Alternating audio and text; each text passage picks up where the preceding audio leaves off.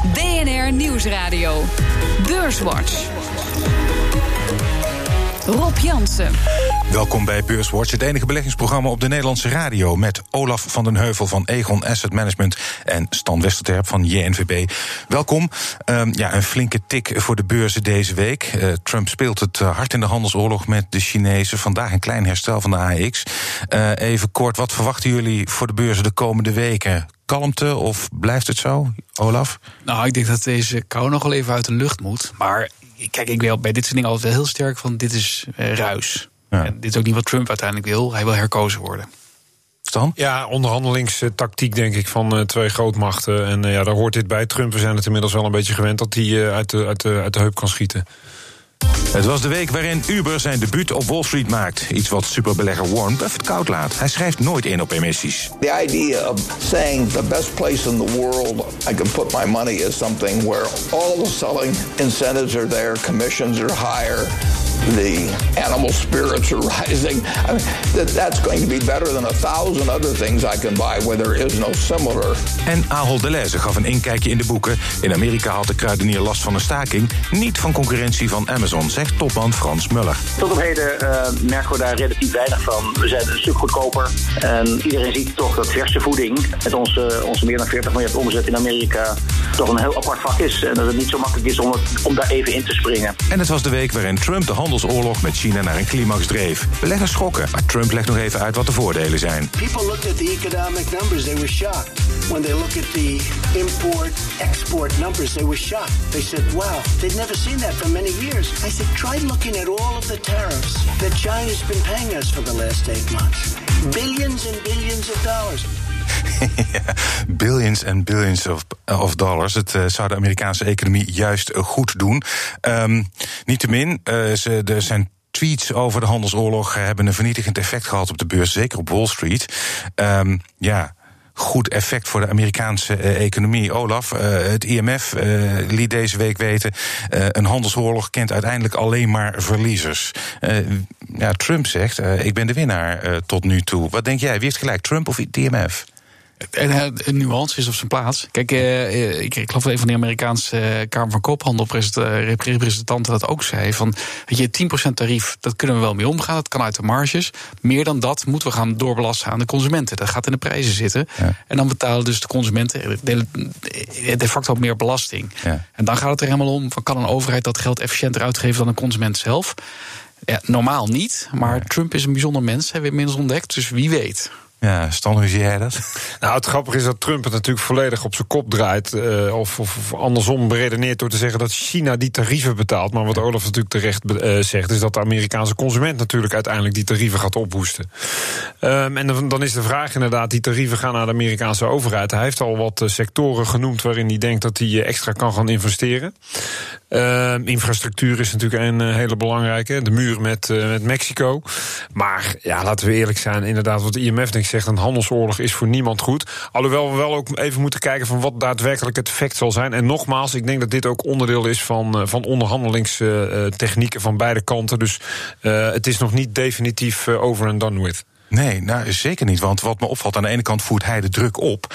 Maar uh, uh, vooral ook omdat de Chinezen helemaal niet uh, lijken in te geven. Volgens Trump proberen ze eigenlijk terug te krabbelen en terug te komen van, van afspraken. Dus dat betekent dat het nog wel best wel een tijdje kan duren als de Chinezen niet toegeven, Olaf.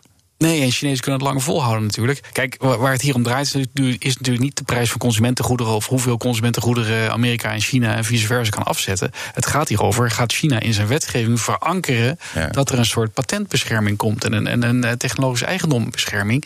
Uh, daar waren ze heel ver in gegaan. Uh, en dat hebben ze denk ik deels teruggedraaid. Ja. ja, dat is natuurlijk wel een pijnlijk iets, want heel veel draait daarop. En dat kan heel vergaande uh, gevolgen hebben. Ja. Dus ik, dit kan best wel eens een, een slepend vervolg hebben, denk ik. Maar het gaat natuurlijk niet over die rare consumentengoederen. Nee. Um je ziet tegelijkertijd dat de uh, beleggers zich daar wel zorgen over maken. Uh, morgen komt Bing Bank met zijn nieuwe beleggersbarometer. Ik mag eruit verklappen dat het vertrouwen bij particuliere beleggers positief is en goed op peil blijft. Maar de handelsoorlog is wel hun grootste zorg. Bij jullie ook? Olaf. Ik denk dat het. Uh, ja, ik zie dit echt wel een beetje als ruis, eerlijk gezegd. Weet je, er, er, komt wat nieuws uit. We weten allemaal dat uiteindelijk Trump herkozen wil worden. En dat in Amerika die aandelenbeurs heel belangrijk is. Die moet gewoon omhoog, die mag niet naar beneden. Dus nee, dit draait er alweer bij, denk ik. En wat dat betreft, uh, ja, weet je, kun je kijken naar de earningsuitkomsten. En is het misschien wel een aardig moment om inderdaad gewoon risico op te bouwen. Ja, ik zal wel voorzichtig zijn nu, sorry toch? Nou, eens ja, eigenlijk eh, op korte termijn inderdaad zorgt het voor wat volatiliteit, uh, bewegelijkheid. Zeker in de, de background van dat we natuurlijk al vier maanden lang stijgende beurskoers hebben gezien, is het mm. ook wel logisch dat er een keer een stapje terug wordt gedaan. Goede mm. test voor de markt. Maar lange termijn inderdaad is veel meer van belang hoe ontwikkelden de bedrijfscijfers zich inderdaad en de, de economie als geheel. En, en uh, natuurlijk ook wat gaan de centrale banken doen. Dat blijft ook altijd een heel belangrijk thema. Ja, ja. Uh, econoom van Moody's, John Lonsky, de hoofdeconoom daar geloof ik, die merkte op dat ondanks de spanning op de aandelenbeurzen het op de obligatiemarkt relatief rustig bleef. Is dat ook een reden om, kun je daaruit afleiden, mag, je, mag dat enige vertrouwen geven, Olaf? Ja, kijk, eh, traditioneel is überhaupt de obligatiemarkt geeft, geeft de richting een beetje aan. Hij is wat hm. minder uh, springerig. Uh, en dat is nu denk ik ook. Je zag het wel een beetje terug. Hè. De markten wij hebben het heel goed gedaan. Ook de obligatiemarkten hebben het relatief heel goed gedaan. Er is wel een beetje een pas op de plaats. En als ik obligatiebeleggers spreek, dan zijn ze ook over het algemeen zich wat voorzichtig gaan positioneren. Dus wat hm. minder agressief. En dat merk je ook wel in sommige plaatsingen die naar de markt komen. Hm. Maar ik denk inderdaad dat dat laat zien dat het uh, vooral ruis is. Ja. Um, over obligaties gesproken en de daarmee samenhangende rente. Gisteren was de lange rente in Amerika voor een kort moment lager dan de korte rente. Um, er is uh, verschil van mening onder economen uh, of dat een goede indicator is dat er een recessie uh, op komst is. Um, Stan, wat denk jij? Ja, hoe zie jij dit als indicator? We hebben die inverse rentecurve, zoals je dat noemt, natuurlijk ja. al eerder gezien ja. dit jaar. De tienjaars duikt onder de tweejaars. En in het verleden is dat, uh, geloof ik, zeven van de acht keer een signaal geweest dat er binnen twaalf maanden een recessie volgde. Maar, en dat is heel belangrijk, en ik denk ook wat Olaf zal beamen, is dat hoe, de vraag is hoe zuiver is dit signaal? Omdat de rentes uh, in de voorgaande keren niet zo beïnvloed werden door het monetaire beleid van centrale banken. En dat is natuurlijk nu wel het geval geweest. Mm. Zeker met de opkoopprogramma's die we hebben gezien en, uh, en, en in sommige regio's nog steeds doorgaan. Nou, we hebben het nu over Amerika. Tegelijkertijd was de korte rente weer juist wat opgehoogd. Het afgelopen jaar met name. Dus het is niet gek dat lang en kort bij elkaar in de buurt komt. Dus de vraag is: hoe zuiver is dit signaal uh, mm. vorige keer? En ik denk dat het veel minder duidelijk is dan, uh, dan we in de, ja, in de historie hebben gezien. Nou, volgens stand ga jij dit beamen, Olaf. Ja, nou, volgens mij heb ik vorige keer min of meer dit gezegd. Dus dat, dat, daar zit wel wat in. Ja. Ik denk wel, dat is, dat is komisch, dat las ik laatst... dat uh, elke keer weer wordt er een hele goede uitleg gezocht... waarom nu die inverse rentecurve anders is dan, dan dit keer. Dus mm. dat, dat zit er wel een beetje in. We, houden er wel van om onszelf voor de gek te houden. Ja. Uh, wat ook anders is nu, is natuurlijk dat Trump heel veel druk legt... op die, uh, op die centrale bankpresident. Van, hou die rente vooral heel erg laag. Ja. En dan doe geen gekke dingen. Dus ja, dat, dat helpt hier ook wel. Ja. Uh, maar dan nog, er komt altijd een recessie aan. Ja, de vraag is alleen wanneer. Ja. Uh, ik zou zeggen 2020, ik zou het best kunnen. Ja, ja. ja, want het is geloof ik ook zo van op het moment dat dat uh, gebeurt. Uh, lange rente onder de korte, dan schijnt het geloof ik nog 400 dagen uh, gemiddeld voordat dat dan. Uh, ja, precies. En, en, weet je, gemiddeld duurt een cyclus ongeveer zes jaar. Dus dat, je bent er al snel. sowieso, als je nu naar de winstcijfers kijkt, die, die zijn natuurlijk al een stuk lager dan we vorig jaar hadden. Door het hele belastingplan en de effecten daarvan. Mm, ja, dus voorlopig ja, geen zorgen bij jullie. Nee, maar het, nogmaals, het is ook normaal dat je op een gegeven moment gewoon weer in een recessie belandt. Inderdaad. Ja. Dat hoort bij de cyclus. De winstgroei is inderdaad wel, uh, wel een stukje minder. Uh, maar ik, ja, ik vind het een beetje krom om naar een signaal op de, op de, op de ja. rentemarkt te gaan kijken. Ik geloof ja. daar toch wat, uh, toch wat minder in. En zeker omdat het beïnvloed is dit keer door de centrale banken. Hm. Um, ik wil nog even naar Europa, Italië om precies te zijn probleemkindje, mogen we wel zeggen. Eerst waren het de banken. Daar schijnt het nu iets beter mee te gaan als het gaat om slechte leningen. Wat de laatste tijd lees. Maar de Europese Commissie verwacht dat het begrotingstekort van Italië hoger zal uitvallen volgend jaar. Maar liefst 3,5 procent. Olaf, denk jij dat dat een bedreiging gaat worden voor de. Een, een hoofdzorg gaat worden voor de Europese economie en in Brussel? Ongetwijfeld gaat dat weer de markt domineren. Kijk, eh, gaat het, gaat het leiden tot een, uh, een euro-break-up of dat uh, de Europese Unie uit elkaar valt? Dat denk ik niet, want uh, we weten allemaal dat Italië allerlei problemen heeft. En, en het grootste probleem is eigenlijk dat ze en een krimpende bevolking hebben en niet weten te hervormen. Iedereen zit vast in van goh, laat ik maar beschermen wat ik heb. Want als ik dat kwijtraak, dan heb ik niks meer in dit land waar het zo, zo moeizaam gaat. Dus je hebt een beetje een externe prikkel nodig om die verandering te krijgen. En ik denk dat de markt daarvoor moet gaan zorgen. En dat ga je niet krijgen als alles netjes binnen de, de kantlijnen van de EU blijft. Dat krijg je alleen maar als we daar een beetje buiten komen. Dus ik denk dat het onvermijdelijk is. Ik denk dat het nodig is. Ja. Stan, eh, denk jij dat het ook wel de wal het schip zal keren? Ja, het is natuurlijk de druk van de financiële markten. Die is er nu op dit moment absoluut niet. Er zijn andere thema's die de boventoon eh, voeren. Maar ja, Italië is altijd wel een, een, een, een hoe moet je dat zeggen? Een topic dat één keer in zoveel tijd terugkomt. En inderdaad, eh, als je dan zegt, we verwachten dat het uh, naar 3,5% oploopt. Hmm. Ja, dat is niet wat we afgesproken hebben met, eh, met de Italianen. Dus dat zal ongetwijfeld weer op de agenda gaan komen. En dan zal inderdaad uh, het spel weer op de wagen gaan. En ik, ja, ik denk wel dat, dat het klopt dat je wat druk hebt van financiële markten. om uh, ervoor te zorgen dat de Italianen weer wat meer gaan doen. wat wij vanuit Europa mm. wensen. Mm. Olaf, voor de uitzending had ik het ook even over Italië met je. En jij zei wel van ja, vanaf midden jaren negentig, geloof ik. gaat het eigenlijk bergafwaarts. Dat is wel al een hele lange periode. Ja, Ze hebben veel kansen laten liggen. Ja, nee, kijk, de, de, hun rol in de wereldhandel is eh, bijna gehalveerd. Uh, en dat is natuurlijk ook de opkomst van China. Veel productie, waar ze zitten in de waardeketen, ze zitten op de verkeerde plekken. Uh, En dat heeft ze gewoon heel erg geraakt. En dat, maakt het heel lastig. Ja, en ook voor de Europese Unie uh, heeft uh, ook sinds uh, de crisis in Griekenland niet echt instrumenten ontwikkeld om landen onder druk te zetten. Wat eigenlijk ook wel tijd wordt. Nee, maar ik denk ook wel dat je kunt niet door middel van politieke regeltjes een land onder druk zetten. Zo, zo werkt de politiek ook niet, want dan zul je zien dat de regeltjes worden aangepast. Maar wat je wel kunt doen, is de druk van de markt laten voelen. En ik denk dat we dat gaan zien. Dus er worden lijnen in het zand gezet en dan moet de markt gaan drukken. Want het gaat niet door politieke regeltjes. Niemand kan een kapotte Italië betalen. Nergens in Europa. Dus dat zullen ze niet laten gebeuren. Maar ze gaan die markt wel laten drukken. Zometeen praten we verder over beurs en economie. Onder andere over de cijfers van Ahold Delhaize en de beursgang van Uber. BNR Nieuwsradio. BNR Beurswatch. We bespreken de belangrijkste beursontwikkelingen van deze week. Dat doe ik met Olaf van den Heuvel van Egon Asset Management en Stan Westerterp van JNVB. Eerst maken we even de balans op van afgelopen week. De AEX sloot op 550,9 eh, punten. Dat is 3,1% lager dan vorige week. Stijgers. De drie grootste stijgers in de AEX, dat waren er trouwens maar twee, namelijk IMCD met een plus van 1,9% en op de tweede plek KPN met een plus van 1,1% uh, Het midcap aandeel dat het best presteerde deze week was SBM Offshore met een plus van 4,2% Dalers. Dalers. Dalers uh, zijn er uiteraard wel 3 op 1. ArcelorMittal met een min van 13,7% Op 2 Egon met een min van 8,5% en op 3 ING met een min van 7,1% In de midcap, daar was de grootste daler PostNL met een min van 19,5% De AEX is deze week drie van de vijf handelsdagen lager gesloten. Um, ja, financials hebben het uh, moeilijk gehad uh, afgelopen week. Maar ja, PostNL uh, met cijfers gekomen. Um, aandeel verspeelde zijn jaarwinst deze week. Ja. Um, ja, ja ex-dividend. Ex-dividend, oké, toch. Uh, je zal het maar gekocht hebben op uh, 1 januari. Ja. Uh, winst is afgelopen kwartaal licht gedaald. Uh, maar in de snelgroeiende pakketdivisie wordt flink geïnvesteerd. Uh, Stan, begrijp jij waarom beleggers zo negatief zijn? Want... Nou ja, vermoedelijk gaan ze dat hoge dividend... Uh, dat zat op zo'n 8, 9 procent dividend yield, ja. dividendrendement... dat gaan ze niet volhouden in 2020... omdat ze extra gaan investeren in de pakketdivisie. Ja. Dat betekent dus dat een aantal beleggers die er voor dividend in zitten... teleurgesteld zullen gaan worden volgend jaar. En dan, ja. dan volgt daar zo onder andere daardoor zo'n koersreactie op. Maar wederom ook gewoon ja, die dat is, dat is een drama. Daalt met 10% per kwartaal uh, iedere keer weer. Maar ik moet eerlijk zeggen, ik vond de pakketdivisie het helemaal niet zo slecht doen. Sterker ja. nog, dat was wat beter dan verwacht.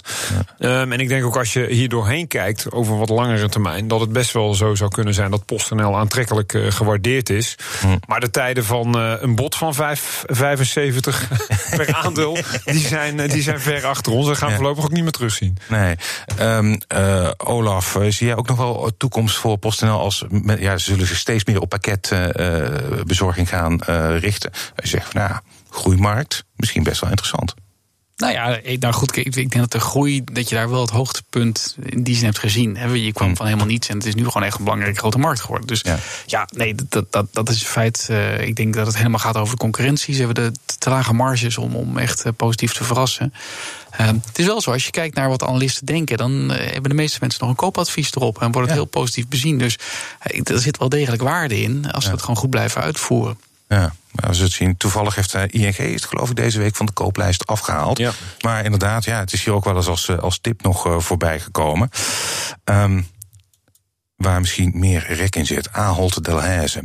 Uh, leverde deze week 3,6% in op het Damrak, terwijl de winst omhoog ging en ook de omzet. Ondanks een staking bij de Amerikaanse keten Stop Shop. En Amerika is verreweg hun belangrijkste uh, uh, markt. Ja. De online omzet in Amerika 13% omhoog. Stan, ook hier de vraag: verdient dit niet een hogere koers? Nou, de, omzet was wat, de omzetgroei was ja. wat lager dan gemiddeld uh, verwacht was. Dat had inderdaad uh, onder andere te maken met Stop Shop. Maar, uh, en Amerika was, was vrij aardig. Maar met name België was toch, was toch niet echt om over naar huis te schrijven. ook daar wel, wel, wel problemen. Dat is natuurlijk ook traditioneel een van de thuismarkten. Delhaize, stuk natuurlijk van, van Ahold Delhaize. Ja. Um, ja, en ik denk toch dat, uh, dat beleggers daar ook moeite mee hadden om, uh, om te zien dat de uh, groei zoals verwacht, dat die toch wat tegenviel in het, in het eerste kwartaal. maar dan moet ik bij zeggen dat de outlook werd wel gehandhaafd. ja, en in een, in een, in een markt die sowieso de hele week onder druk stond, is het dan niet gek dat er ook bij, bij dit fonds wat wordt ingeleverd. Maar voor de lange termijn ligt het gewoon prima op koers. Ja, Olaf, jij ook positief over Ahold? Ja, dat denk ik wel. Het verbaast me wel dat uh, uh, elf dagen staking 200 miljoen kan, uh, kan kosten. dat vind ik best veel. Maar ja. Nee, ik denk in België is het een wat minder dominante speler dan in Nederland. En dat zag je alweer terug. ik denk ook de, al de online platformverkopen vielen eigenlijk best wel mee, denk ja. ik. Daar was natuurlijk vorig kwartaal best wat gedoe over. Ja. Toen ik volgens mij ook hier was. Dus nee, het, het is oké, okay, denk ik. Ja. En bol.com plus 35 procent, uh, Ja, precies. Goede aankoop geweest, ja. hè? Dus ja. kocht ze voor 300 miljoen, geloof ik. Ze is nu ja. standalone, denk ik, al een paar miljard waard. Ja. Dus dat is toch een hele goede, heel goed gezien van, uh, van Ahold destijds. Ja. Heb je de portefeuille? Uh, ja, zeker. Ja, ja, absoluut. Maar al uh, toen, uh, toen de. de je kan je nog herinneren dat Amazon toen Whole Foods kocht in Amerika. Ja. iets meer dan twee jaar geleden uit mijn hoofd. Ja. ja, toen zakte die koers helemaal in elkaar naar 15 euro, geloof ik. Dat was voor ons het moment om in te stappen. Omdat we toen al dachten van wat ook uitkomt. Zo vaart zal het niet gaan. En dat is ook gebleken. De groei zit er gewoon nog steeds goed in. En het is niet zo dat alles wat Amazon aanraakt meteen in goud verandert. En dat de concurrentie het nakijken heeft. Hm. Maar het is wel natuurlijk een trend. En maar ik denk dat, dat Ahold daar prima mee gaat. Ze zijn zelf ook uh, hele grote online retailer in Amerika. Dus het is niet zo dat ze de boot volledig aan het missen zijn. Hmm. Um, Talk of the Town, zeker op Wall Street vandaag. Uber, ja. daar moeten we het uh, uiteraard over hebben. Vandaag naar de beurs gaan. Uh, IPO-prijs gisteren, uh, de emissiekoers moet ik zeggen.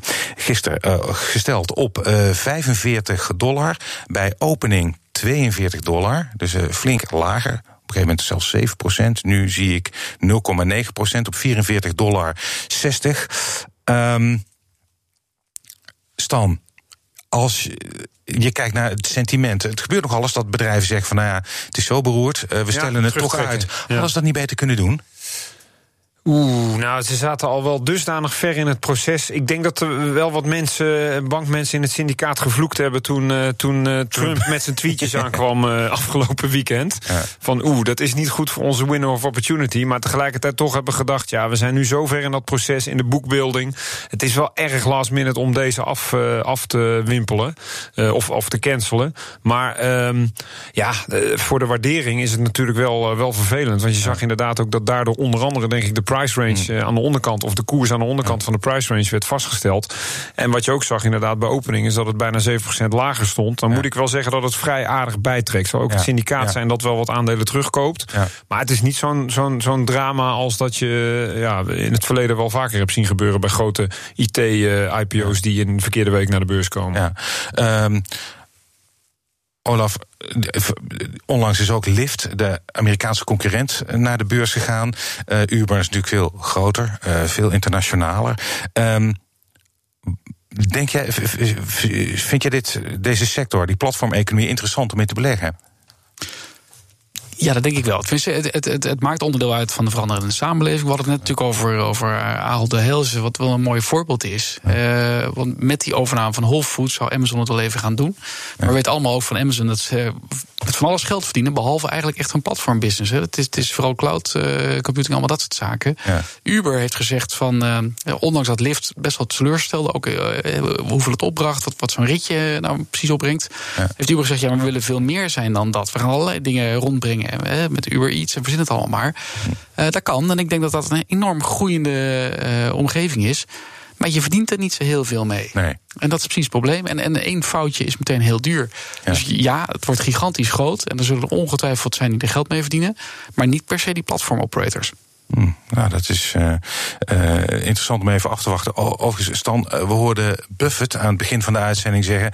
Um, als een bedrijf naar de beurs gaat, dan zitten er allemaal zakenbanken omheen die er geld aan willen verdienen. Uh, ik schrijf nooit in. Wegblijven. Ik, ik, ik, heb nog het, is het fragment iets langer gehoord. Uh, hij zei het bij CNBC. Um, ehm, ze komen bij mij niet eens meer langs om te vragen of ik wil intekenen.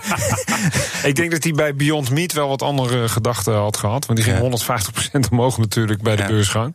Maar in principe heeft hij gelijk. Het is zo moeilijk om de waardering vanuit een een beursgang te bepalen. Dat heeft toch even wat meer, wat meer tijd nodig. Maar ook Warren Buffett, zelfs op zijn hoge leeftijd, komt nog wel eens tot andere inzichten. Hij heeft laatst uh, een positie in Amazon genomen. Nou, dat had hij tien jaar geleden echt nooit, nee. nooit bedacht. Nee, dus, ja, ja, en ik moet dan altijd denken aan Google. Toen dat naar de beurs ging, zeiden heel veel mensen: hoe kan je nou met een zoekmachine geld verdienen? Ja, Facebook ook. Dat ja. was ook zo'n zo'n verhaal. Duur, en dat zijn toch. Kijk, en wat Olaf net zei, dat is wel terecht over platform. Maar ik denk wel dat een, een Uber meer pricing power heeft dan bijvoorbeeld een Amazon in, in de supermarktbusiness. Uber en Lyft, je zegt het al.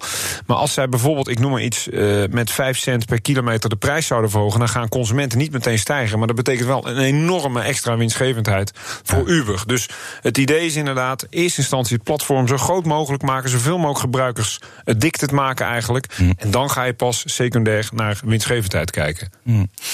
We zijn alweer bijna aan het einde van de uitzending. En dat betekent dat jullie een uh, tip mogen geven voor de luisteraar. Die zitten nu op het puntje van hun stoel, uh, Olaf. Wat is jouw tip voor de luisteraar?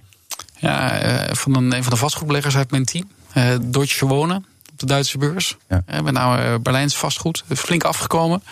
Terwijl de huren nog relatief laag zijn. De bouwkosten enorm hoog en er überhaupt gewoon weinig plek is om te bouwen. Dus die huren kunnen nog flink omhoog. en hij ziet dat wel zitten. Deutsche Wonen. Ja, als bekende naam. Ja, ja en een goede naam ook. Ja. Uh, nee, voor, voor ons is het toch meer um, met de, in het achterhoofd het idee dat die recessie, of in ieder geval die neergang, die slowdown, wel eens kan gaan doorzetten. Ja. Uh, wij zijn wel primair aandelenbeleggers. Uh, maar zou ik er toch voor kiezen om wat meer in de low beta's, low volatility aandelen te gaan zitten, zoals we dat noemen. Dus, dus wat minder de hoog wat defensiever, wat minder de hoogvliegers. Niet meedoen aan de Uber-IPO's en dat soort uh, zaken. Hè, stratosferische waarderingen. Maar echt meer kijken naar bedrijven met goede cashflow. Uh, ja, lage volatiliteit, uh, goed dividendstroom. Dat soort zaken. Om maar eens even te kijken hoe de komende jaren zich verder door gaan ontwikkelen. Ja. Je zegt low beta, defensief. Als je er eentje zou moeten uitpikken, welke zou je dan naar voren schuiven? Ik denk dat je op dit moment, als we dan naar Nederland kijken, ja, dan kijk je toch naar namen die ook traditionele sectoren, zoals telecom, KPN bijvoorbeeld, wat natuurlijk oerzaai is, maar ja. wel gewoon ja, uh, op zich redelijk goede free cashflow heeft, inderdaad. Nou, dat is dan een naam die ik okay. misschien tussenuit zou pikken. Maar er zijn er meerdere ja, die daar okay. voldoen. KPN, Deutsche Wonen. Hartelijk dank, Stan Westerterp van JNVB en Olaf van den Heuvel van Egon Asset Management. Dit was BNR Beurswatch. Als u wilt reageren, dan kunt u een mail sturen naar beurswatch.bnr.nl of tweeten naar Rob Beurs. Terugluisteren dat kan natuurlijk ook via de site, de app, iTunes of Spotify. En graag tot volgende week.